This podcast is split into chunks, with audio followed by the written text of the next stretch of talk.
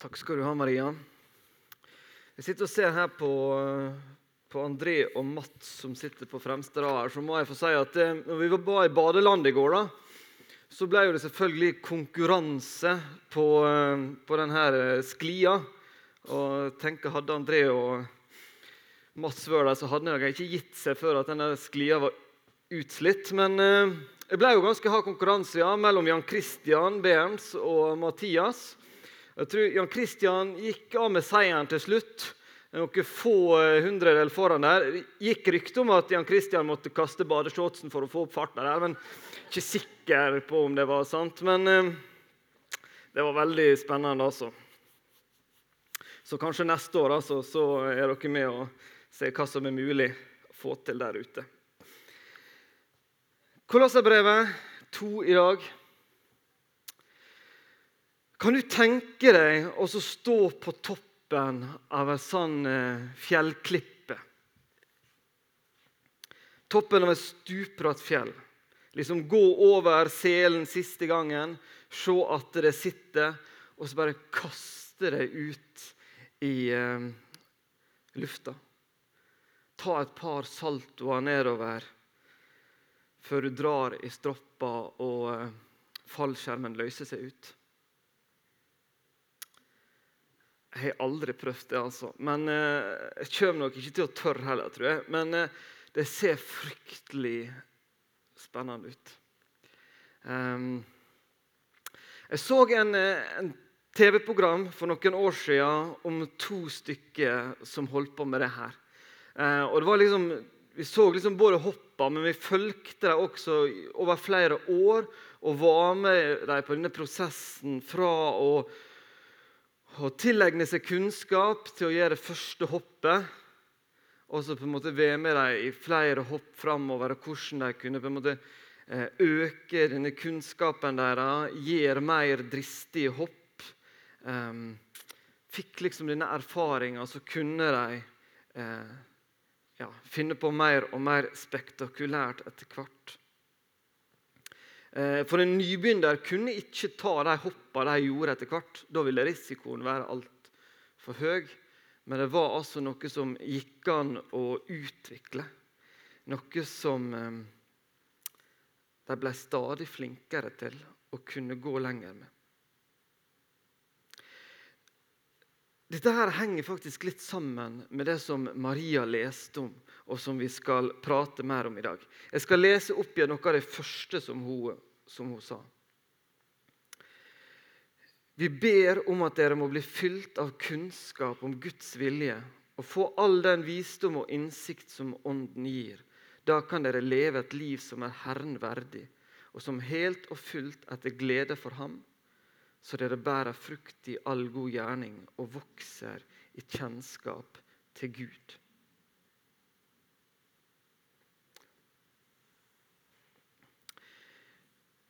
De ber om at menigheten må bli fylt av Guds vilje, kunnskap om Guds vilje. At de må kjenne Guds ord. Og I dette har Guds ånd en viktig oppgave. Men hva skal vi med all denne kunnskapen? Det er et stort og viktig spørsmål. Hvorfor skal vi lære så mye? Hvorfor, hvorfor skulle disse folka oppe i denne Ulvedalen, som vi lærte litt om sist, um, bruke, liksom, få denne kunnskapen? Var det fordi at de skulle liksom bare kunne skryte av det, eller hva var det de skulle? Jo, det skulle gi et liv som var Herren verdig. Kunnskapen skulle være med og Det skulle bli et liv av dette. her. Det skulle ikke bare være noe kunnskap som vi hadde oppi hodet, men det skulle settes ut i livet. Og Dette her altså ba Paulus, Timoteus og de andre om hele tida. Det var så viktig for dem å be for denne gjengen her at dette måtte bli et liv. Det måtte bli et liv som utstrører tilbedelse. Jeg tenker tilbake på disse basehopperne. De hadde lest, de hadde studert lenge for å på en måte bli klar til å gjøre dette hoppet som de gjorde. Kanskje de hadde pakka sekken ikke, mange ganger. liksom Var sikre på at de kunne dette. Det var drilla inn. Og De kunne jo valgt å bruke denne kunnskapen sin til å sitte på en eller annen plass. Kanskje det var en kafé i nærheten av en kjent sånn plass å hoppe. og Bare sitte og, og skrytt over all kunnskapen de hadde. Kanskje de kunne sittet og, og kritisert andre som de mente ikke var gode nok, ikke kunne dette godt nok, ikke hadde nok peiling. Det kunne bare blitt noen sånn besserwissere. For de, de, kunne nok veldig mye. Kunne ha valgt å bare sitte og, og skrytt av det her og slengt med leppa overfor andre. For det er ganske lett for oss mennesker. Det er mye lettere å mene noe enn å leve ut et liv med de meningene. Det er jo en del mandager eh, jeg har tenkt på at det, det kan se ut som det er ekstremt masse fotballeksperter rundt omkring. Det er veldig mange som skal enten hylle eller kritisere alt som har skjedd på fotballbaner rundt omkring i Europa i løpet av en helg.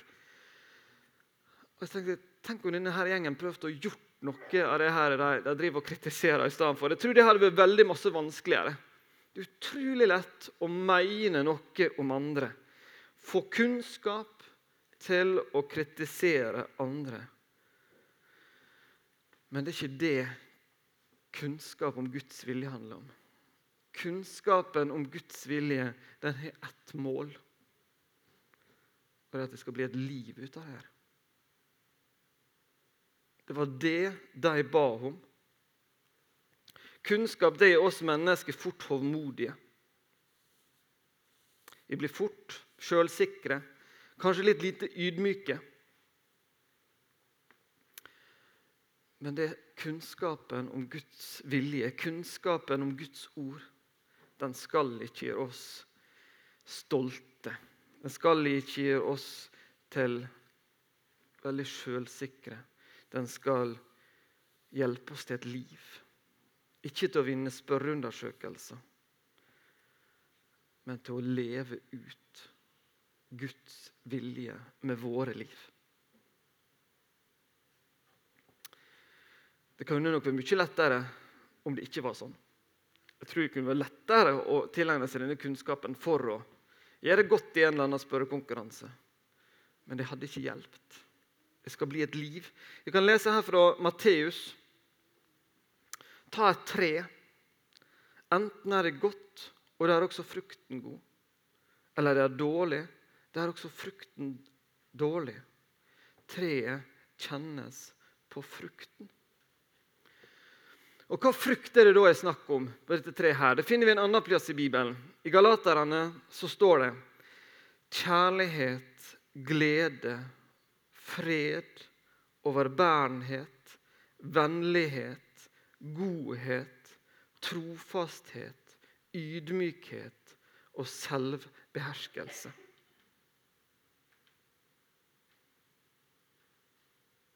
Det var de fruktene. Det var noe av Guds visdom, noe av Guds vilje for våre liv. Og Dette her var det altså Paulus og denne her gjengen satt sammen og ba om. At det måtte bli til det her. At det som de fikk med seg av kunnskap. Disse som var i Efesus og andre plasser, tok med seg opp til menigheten i Kolossai. At det måtte bli til en kunnskap som ble et liv for dem. At det viste på dem, at det fikk konsekvenser for hvordan de levde, hvordan de oppførte seg. Det fikk konsekvenser for hva de andre mennesker så.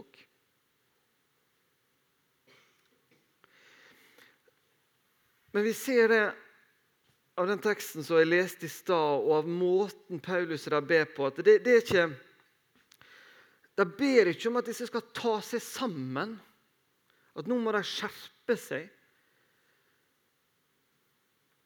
Det er noe som skal komme utafra. Det er Guds vilje som skal få lov til å komme inn i disse liva deres. Det er en kraft som skal komme utafra. Jeg skal komme mer tilbake til det litt etter hvert. Det siste som sto her i det jeg leste, så dere bærer frukt i all god gjerning og vokser i kjennskap til Gud. Dette her er litt som en sånn spiral som jeg syns er litt spennende å se på. Fordi at de ba om at de skulle få denne her kunnskapen om Guds vilje. De ba om at Ånden måtte få lov til å ta tak i disse menneskene. Og så leser vi her på slutten Dette her, Det første gjør at de kommer inn i og får et liv sammen med Gud. Og så ja, De skal bære god frukt i all god gjerning, og så skal de vokse i kjennskap til Gud. Når vi får kunnskap om Guds vilje, når Guds ånd kan få lov til å jobbe i oss, og vi får være sammen med Gud og få lov til å vokse sammen med Han, så vil vi få ny kunnskap. Vi vil utvikle det som allerede er begynt, og så vil vi bli mer og mer kjent med Han. Og så kan dette gjøre at dette livet sammen med Gud stadig når nye høyder. Det er ikke noe som er statisk. Det å vokse sammen med Gud er noe som fortsetter et helt liv. Vi kommer videre i denne prosessen. Og så vil vi bli mer og mer kjent med Gud, med Jesus, hva han ønsker med vårt liv. Og så kan Guds ånd, Guds kraft, få lov til å ta tak i våre liv. Helt i starten av Korinterbrevet så står det men for dem som er kalt, både jøde og greker, er Kristus Guds kraft og Guds visdom. Både jøde og grekere er sidestilt, og vi her i Ålesund er sidestilt med de som bodde i Kolosseum. Det som er kraften, det som skal få lov til å ta tak i våre liv, det er Jesus Kristus. Det er han som er denne kraften. Det er han som er visdommen. Det er han som skal få lov til å endre våre liv. Det er noe som kommer utafra, noe nytt som flytter inn i oss, og som begynner å virke i oss. Det er ikke vi som skal gå til et eller annet innerst i oss og prøve å finne tak i noe der. Nei, det er Gud som skaper noe i oss.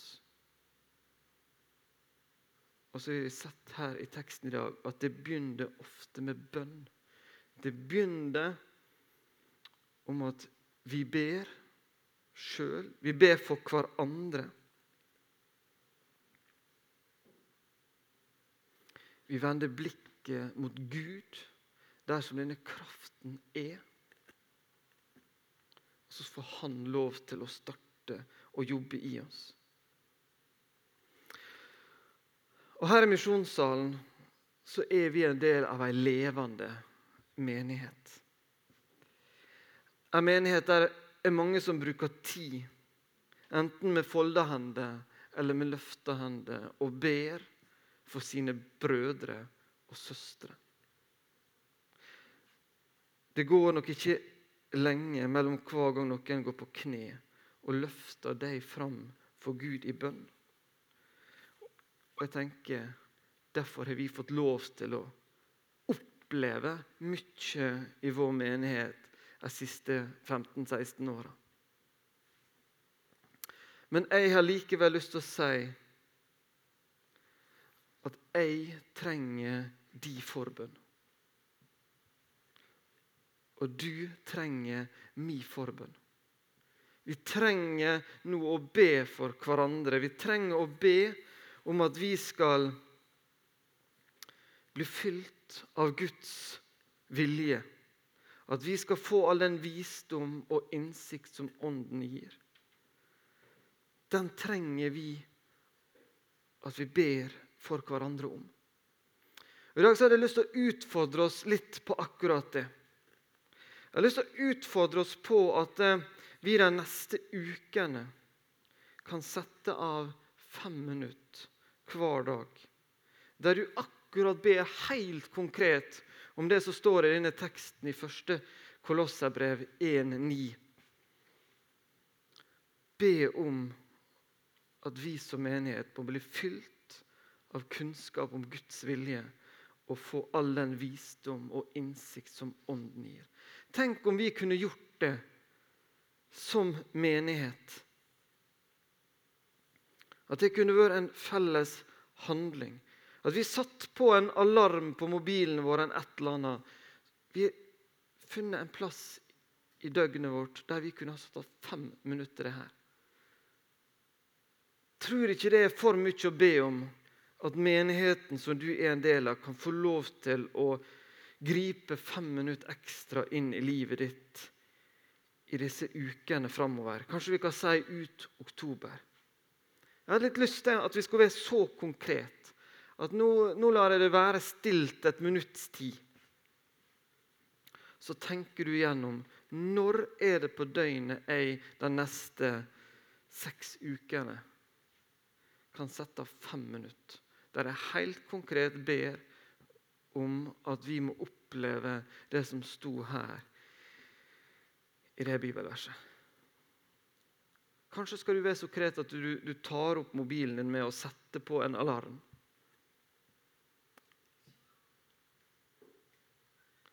Så nå er det stilt i ett minutt. Tenk, når skal du kunne ha fem minutter til oss i menigheten de neste seks ukene?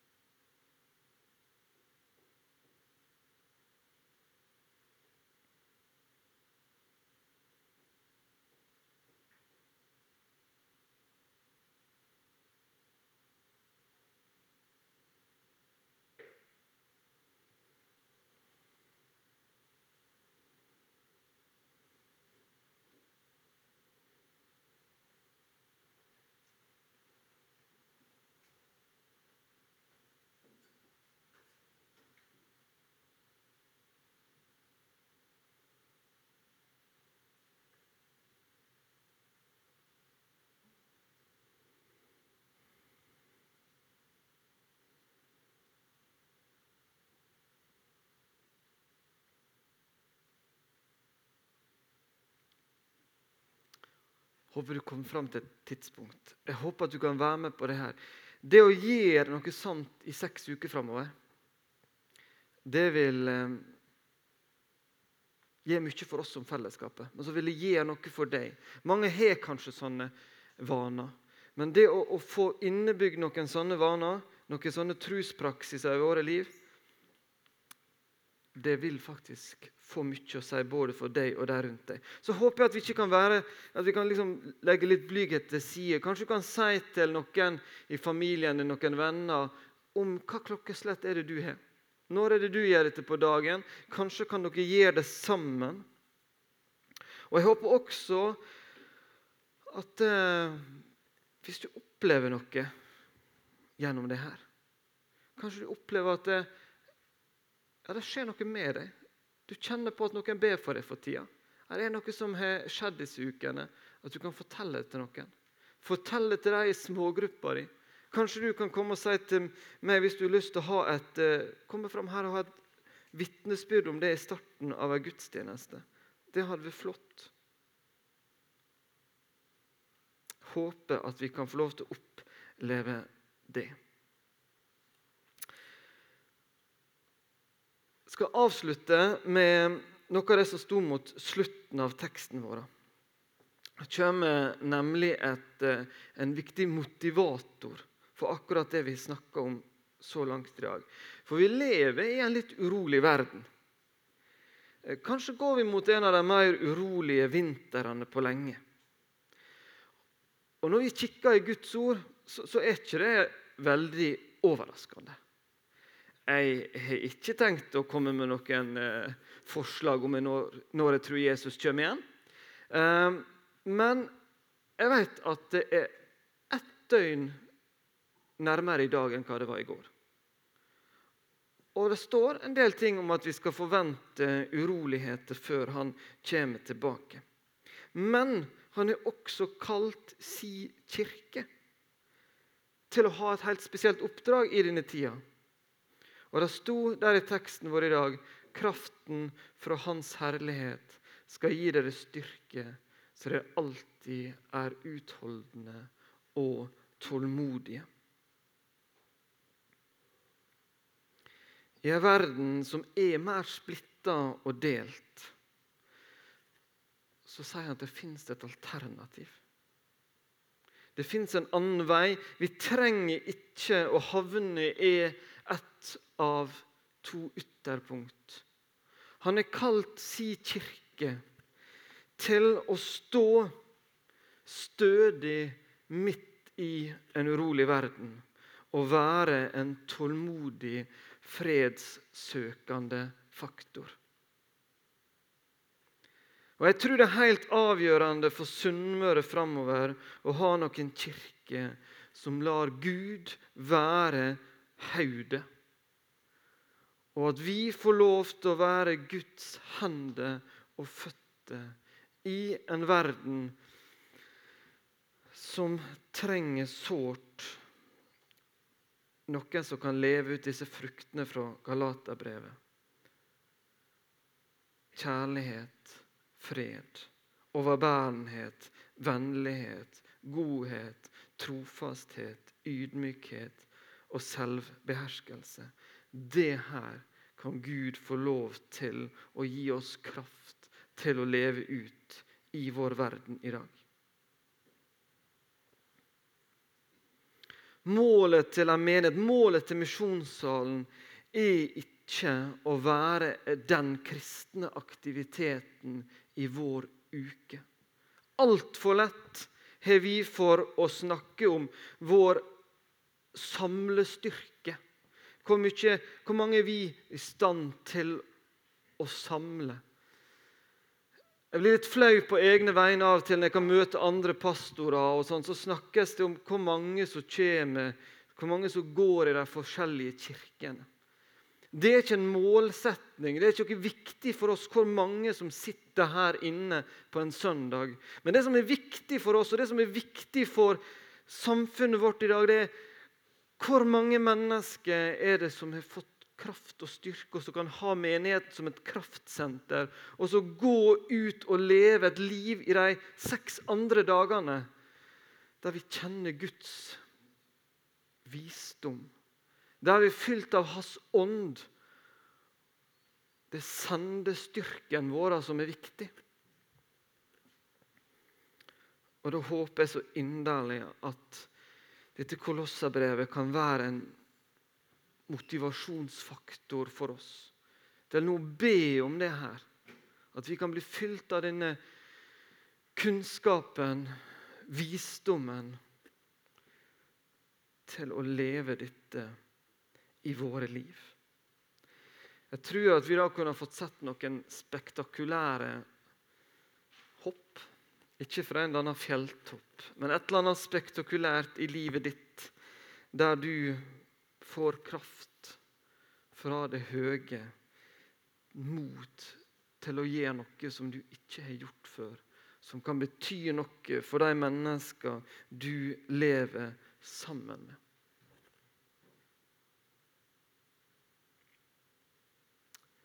For vi trenger kunnskap til å leve annerledes.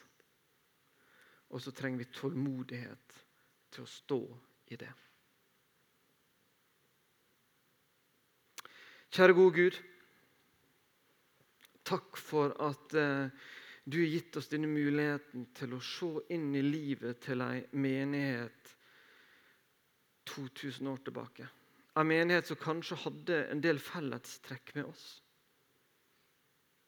Og Så ber jeg om at vi kan få lov til å oppleve at vi nå blir fylt av kunnskap om din vilje, Gud.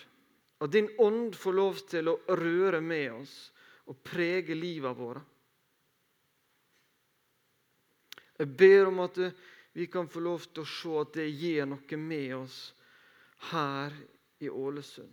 At vi kan få kraft, tålmodighet til å stå midt i en verden som kanskje er litt splitta, som er litt delt. Der folk er litt lett for å gå i ei eller anna skyttergrav. Der kan vi stå midt i det her og være lyset du ønsker at vi skal være. Jeg ber om at din kraft kan virkelig ta tak i oss. Amen.